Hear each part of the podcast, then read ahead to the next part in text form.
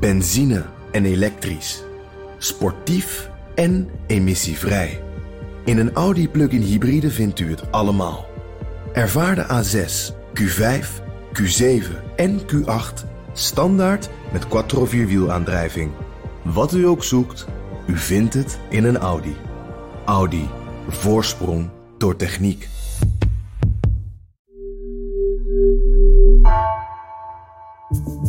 Vanaf de redactie van NRC het verhaal van vandaag. Mijn naam is Egbert Kalsen.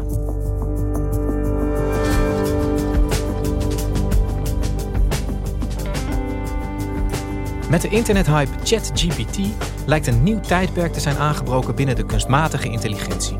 Tech-redacteur Stijn Bronswaar onderzocht hoe de robot werk uit handen kan nemen, maar ook welke risico's hieraan kleven.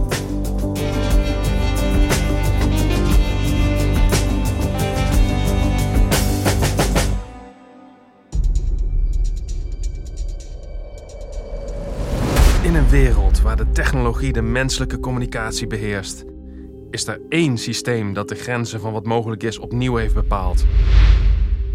Een systeem dat de kracht heeft om de menselijke taal te begrijpen en te genereren als nooit tevoren. Maar wie controleert de controle? Wie bepaalt wat waarheid is en wat slechts een leugen is? Welkom bij de ChatGPT-podcast, waar we de geheimen van de machtigste taal-AI ontrafelen en ons afvragen: wat gebeurt er als de technologie te ver gaat?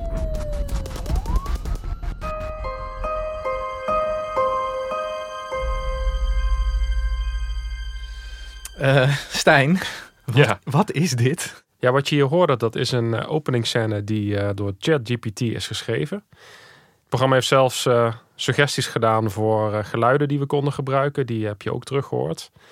En het is eigenlijk inmiddels al bijna een cliché om dat te doen. Want je ziet in de laatste weken dat overal in de media allerlei mensen aan het experimenteren zijn met deze tool. In talkshows, in kranten, in journalistieke artikelen, op allerlei plekken. En ik wilde zelf eigenlijk eens uitzoeken. Goed, er wordt nu heel veel mee geëxperimenteerd met dit nieuwe technologische speeltje. Maar uh, wie gebruiken dit nu echt concreet? Wie gebruiken nu echt in hun werk? Ik heb een oproep geplaatst op LinkedIn. En ik merkte ja, tot mijn verrassing eigenlijk dat er echt heel veel mensen hier al heel serieus mee bezig zijn. Oké, ja, het, gaat heel veel over dit nieuwe programma, dat ChatGPT. Uh, ik heb er zelf nog helemaal niks mee gedaan, dus ik weet er heel weinig van af. Maar um, misschien kan jij me een beetje helpen daarbij. Wa waarom, waarom is dit nu ineens zo alomtegenwoordig in de media? Ja, november heeft OpenAI, dat is een Amerikaans techbedrijf, die hebben dit programma gelanceerd. En het, wordt echt een technologische revolutie genoemd. Uh, Alexander Klupping die twitterde. En uh, daar had hij denk ik wel, wel een punt. Die zei, je had eerst het internet, toen kwam de iPhone en nu heb je ChatGPT. Ja, het is echt een grote technologische doorbraak.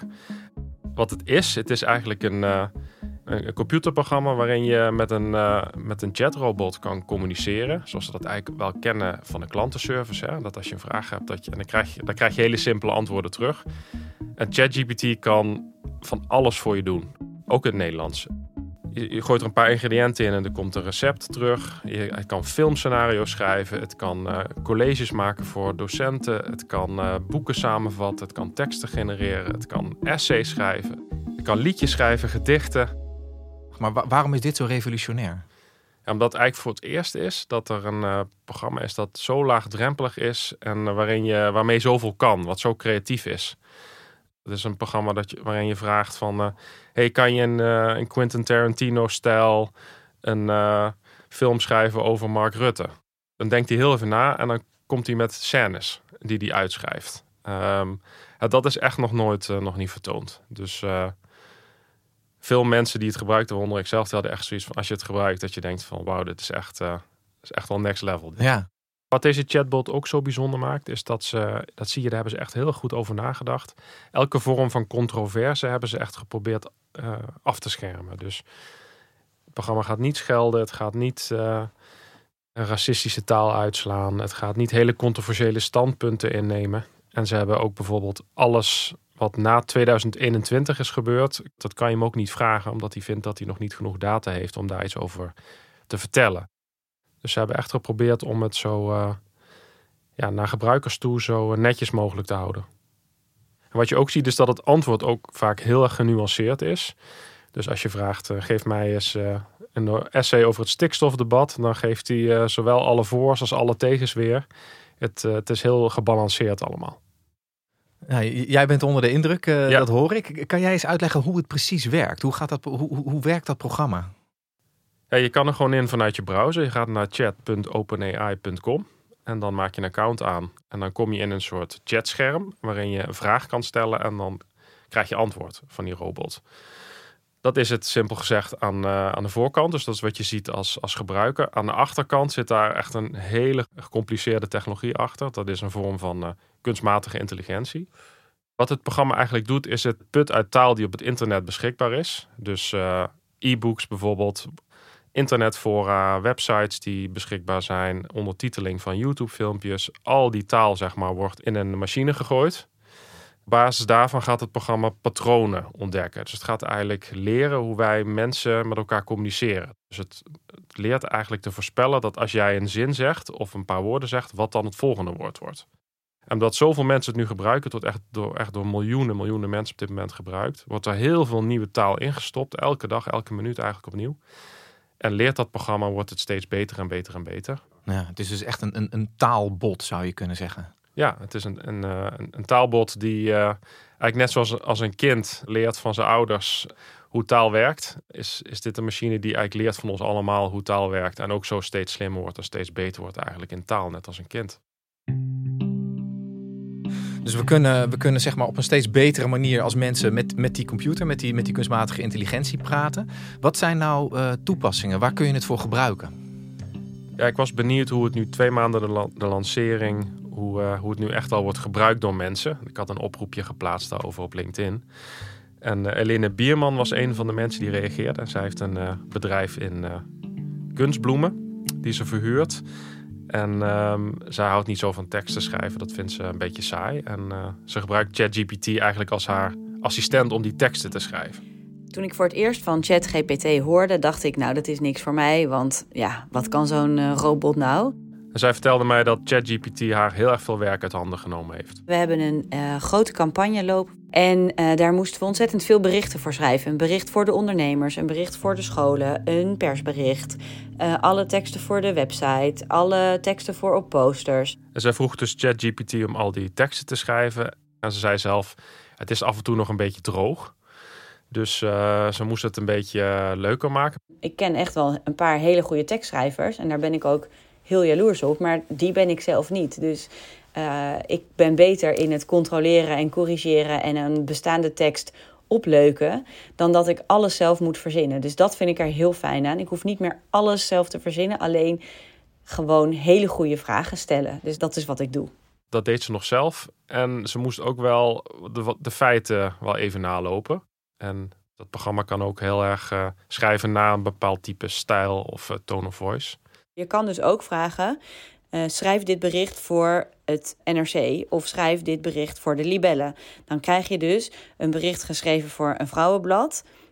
Dezelfde inhoud, maar een andere tone of voice. En het andere is dan geschreven vanuit uh, visie voor het NRC bijvoorbeeld. En, en, en, en scheelt het haar nou daadwerkelijk tijd? Of is ze eigenlijk net zoveel tijd kwijt met het, met het corrigeren en het leuker maken of het aanpassen van die teksten als ze zelf uh, kwijt zou zijn geweest? Nee, ja, nee, het scheelt daar, zei ze, het scheelt mij een dag per week. Omdat het kost heel veel moeite om gewoon op te starten, om te beginnen met tekst. Want als je niet elke keer over ieder bericht opnieuw hoeft na te denken, dan gaat dat gewoon sneller, makkelijker en foutlozer. En als je al een soort startpunt hebt, zei ze, en je krijgt meteen vijf, zes alinea's, en dat is een hele goede basis, dan ben je eigenlijk vooral eindredactie aan het doen en niet zelf aan het schrijven. Dus en ze zei, ja, tekstschrijven is gewoon niet mijn uh, favoriete bezigheid. Ik heb een bedrijf te runnen, ik heb helemaal geen tijd daarvoor. Boeiend en, en ook wel bijzonder om te zien waar het programma dan allemaal mee terugkomt. En dat ze daar dus echt ook, kan zij zeg maar, nagenoeg zo publiceren op haar site. Jij hebt nog meer reacties gekregen. Zaten er nog andere toepassingen bij in de mensen die reageerden op jouw bericht? Ja, wat mij ook opviel was dat er heel veel programmeurs, dus softwareontwikkelaars, ook uh, reageerden. En die het ook al vrij fanatiek gebruiken om computercode eigenlijk te laten checken en ook laten genereren door dit programma. Want computercode is natuurlijk ook een taal, net zoals onze mensentaal. Uh, maar dan om, om websites te bouwen. En een van die mensen was Ivo Fugers, een softwareontwikkelaar. Toen ik voor het eerst van ChatGPT hoorde, was ik niet bijzonder geïnteresseerd. het is niet de eerste keer dat er iets gehyped wordt in, in de wereld van AI-doorbraken. Toen de fuzz op LinkedIn niet, niet afnam over ChatGPT, ben ik het toch maar eens gaan proberen. en ik, ik, ben gewoon eens begonnen met, um, ja, met wat open vragengesprekken, wat vragen over technische concepten binnen, binnen mijn werk. Um, uh, Sinterklaasgedichten mee gaan maken. Dus hij, hij had zijn aarzelingen, maar hij is er toch mee aan de slag gegaan. Wat zijn zijn ervaringen geweest? Ja, hij was echt meteen, toch wel ondanks zijn sceptisch, heel onder de indruk, vertelde hij mij. En hij gebruikt het, en dat, dat zie je wel bij meer programmeurs, om, om fouten uit die code te halen. Dus als een stuk code niet werkt zoals jij hoopt dat het werkt, gooi het erin en dan doet hij suggesties. Of om uh, suggesties te doen voor hele nieuwe stukken code. Dus uh, dan vraag je, schrijf een algoritme in Python, dat is een programmeertaal. en voldoe daarbij ook aan de PEP 8. Um, en ja, dan krijg je een reactie die niet altijd helemaal klopt of helemaal perfect is, maar wel een, een, een schot in de, in de goede richting. en, en vaak heel compleet. Dus hij gebruikt als een soort, ja, als een soort assistent en eigenlijk een soort tweede brein naast zijn eigen brein om samen een code, code te schrijven. En heeft dat zijn manier van werken nou ook echt veranderd, dit programma? Ja, het is niet iets dat ze nu continu gebruiken, maar het is wel iets wat ze regelmatig inzetten. Dus voor ieder, alle mensen in mijn team betekent dat gewoon hogere productiviteit. Dus dit zijn uren in een dag die je, die je kan besparen. Maar als ik er een getal aan zou moeten hangen, dan zou ik zeggen dat het leidt tot een 5 of 10 procent verhoging in productiviteit uh, over, over al het werk genomen. Ja, Stijn, als je dit zo hoort, dan klinkt het alsof, uh, alsof Evelien en Ivo uh, nou, misschien niet helemaal moeten vrezen voor hun baan, maar dat toch een deel van hun werk misschien wel overbodig gemaakt wordt door, door JetGPT. Ja, nou, zij zijn, worden zelf niet zo overbodig, maar voor hun is het vooral een hele goede assistent die hen heel veel tijd bespaart, waardoor ze ja, ook, zou je kunnen zeggen, juist meer werk kunnen doen in dezelfde hoeveelheid tijd. Ja, dat, dat staat of valt natuurlijk allemaal met, met de kwaliteit van de antwoorden die, eh, die zo'n programma kan leveren. Hoe is het daarmee gesteld? Wat weet jij daarvan? Hey, dat is echt wel een heel gevoelig punt, want het programma maakt echt heel erg veel fouten. Ik kan het programma echt niet op zijn blauwe ogen geloven. Ik heb het zelf aan de lijve ondervonden. Ik heb hem gewoon gevraagd: hey, kan je eens een artikel schrijven over eh, Stijn Bronswaar voor NRC? Om eens te zien waar komt hij dan mee terug. Nou, daar kwam hij terug met uh, dat een van mijn uh, meest opmerkelijke prestaties was mijn onderzoek naar de Nederlandse betrokkenheid bij de oorlog in Afghanistan. Hierdoor ontdekte hij dat Nederlandse militairen werden ingezet in gebieden waarvoor ze niet geschikt waren. Nou, ik, dat, dat artikel heb ik nooit gemaakt. En dat doet dit programma dus wel vaker. Dus het gaat een beetje freewheelen met informatie. Het gaat dingen bij elkaar verzinnen. En uh, dat is toch wel ja, heel zorgwekkend. Ook. Ja. waar, waar haalt hij dat dan vandaan? Hoe kan dat? Kijk, bij OpenAI, dat, dat bedrijf dat erachter zit, zeggen ze zelf, het is nog, dit is nog de embryonale fase ook van, van deze technologie. Het moet leren, het moet leren, dus daar horen fouten bij. Er staat ook een disclaimer op de website van, uh, van het programma. Kan onjuiste informatie bevatten. Dus check alles wat eruit komt. Je gaat niet zomaar uh, gebruiken. Ik heb met hoogleraar uh, Maarten de Rijken, hoogleraar AI van de UvA, gesproken. En die noemen dat, het programma gaat hallucineren, noemde hij dat. En hij zei dat is heel mooi aan de ene kant dat het programma dit doet. Want daardoor kan het heel creatief zijn. Dus als je het programma vraagt, bedenk eens een hele mooie filmscène. Komt hij met de meest prachtige dingen terug. En daarin is natuurlijk het heel mooi dat zo'n programma kan gaan fantaseren. Als het om feiten gaat, gaat hij ook fantaseren. Dus hij verzint ook allerlei dingen bij elkaar die niet kloppen. Dus het programma is nog niet goed in staat tussen hè, dat is natuurlijk ook voor zo'n programma heel ingewikkeld. Wanneer gaan wij mensen nou uh, onze fantasie gebruiken in tekst en wanneer gaan, willen we feiten horen die echt ook echt kloppen? Ja. Dat, daar, is hij nog, daar is hij nog niet klaar voor. Maar er zit ook wel een risico in. Hè? Kijk, als het over jezelf gaat, dan kun je zeggen van oh, dit ben ik niet, dit klopt niet. Maar zo gauw als het een onderwerp is waar je iets minder van weet, dan is het misschien best wel lastig om te zien waar die met de feiten aan de haal gaat en waar die het misschien wel goed heeft. Zeker, ja, dat is dus ook heel risicovol. Zeker in het dit tijdperk van nepnieuws en dat we sowieso allemaal aan, aan, aan, het kijken zijn van wat klopt er nou wel, wat klopt er nou niet, is het natuurlijk een hele ja, beangstigende trend ook. Dat je zo laagdrempelig tekst kan genereren, waarin mensen misschien wat er zo echt uitziet, waarbij mensen het gevoel hebben dat nou, het zal wel kloppen. En natuurlijk gaat niet iedereen alles checken wat uit ChatGPT komt. En je weet niet waar het vandaan komt. Mhm. Ja, een voorbeeld daarvan is wat gisteren nog in het nieuws was, dat uh, allerlei docenten nu merken dat heel veel scholieren hun opdrachten inleveren, maar alleen dan geschreven door ChatGPT. En dat ze niet kunnen detecteren wat hebben ze nu zelf geschreven, wat heeft het programma gemaakt.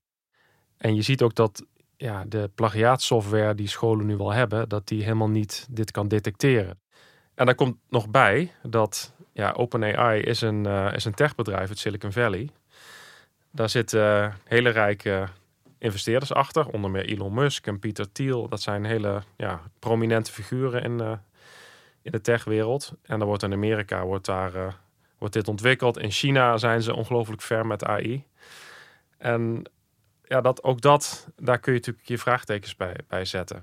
OpenAI begon eigenlijk als een uh, heel ja, filantropisch initiatief. De hele wereld moest gaan uh, profiteren van deze technologie. Dat was het idee. Het zou geen winstgevende onderneming uh, hoeven op te leveren. En dat is in de loop der jaren is die missie zeg maar gaan schuiven.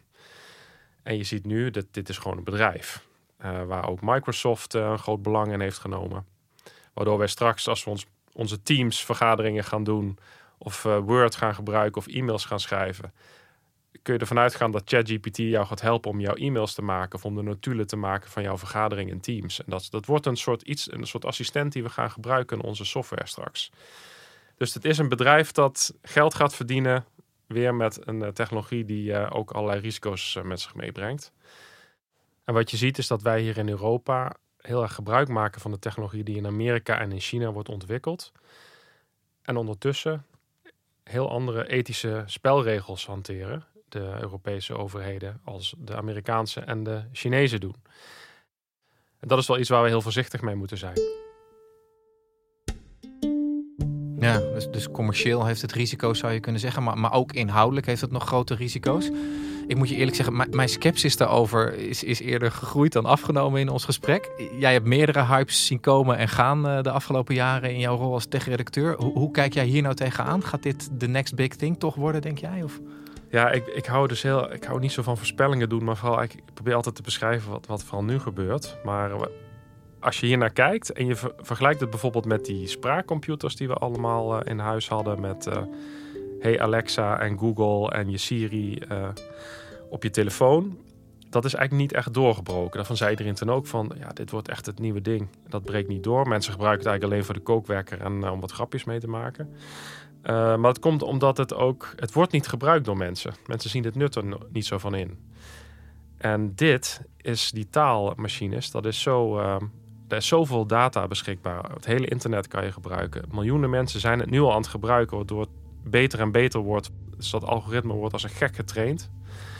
En uh, dat gaat zo snel dat ik wel echt geloof dat dit als je, zeker als je ziet waar het nu al staat en wat het nu al kan, terwijl het nog in fase 0 zit eigenlijk, dat dit wel echt onze levens gaat veranderen, ja.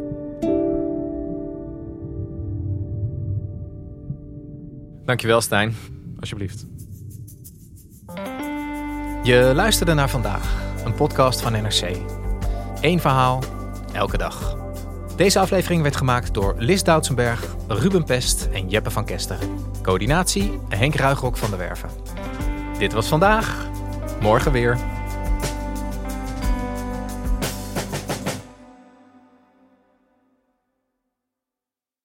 Je hebt aardig wat vermogen opgebouwd. En daar zit je dan, met je ton op de bank. Wel een beetje saai, hè? Wil jij, als belegger, onderdeel zijn van het verleden of van de toekomst? Bridgefund is een slimme fintech die een brug slaat tussen de financiële behoeften van ondernemers en van beleggers.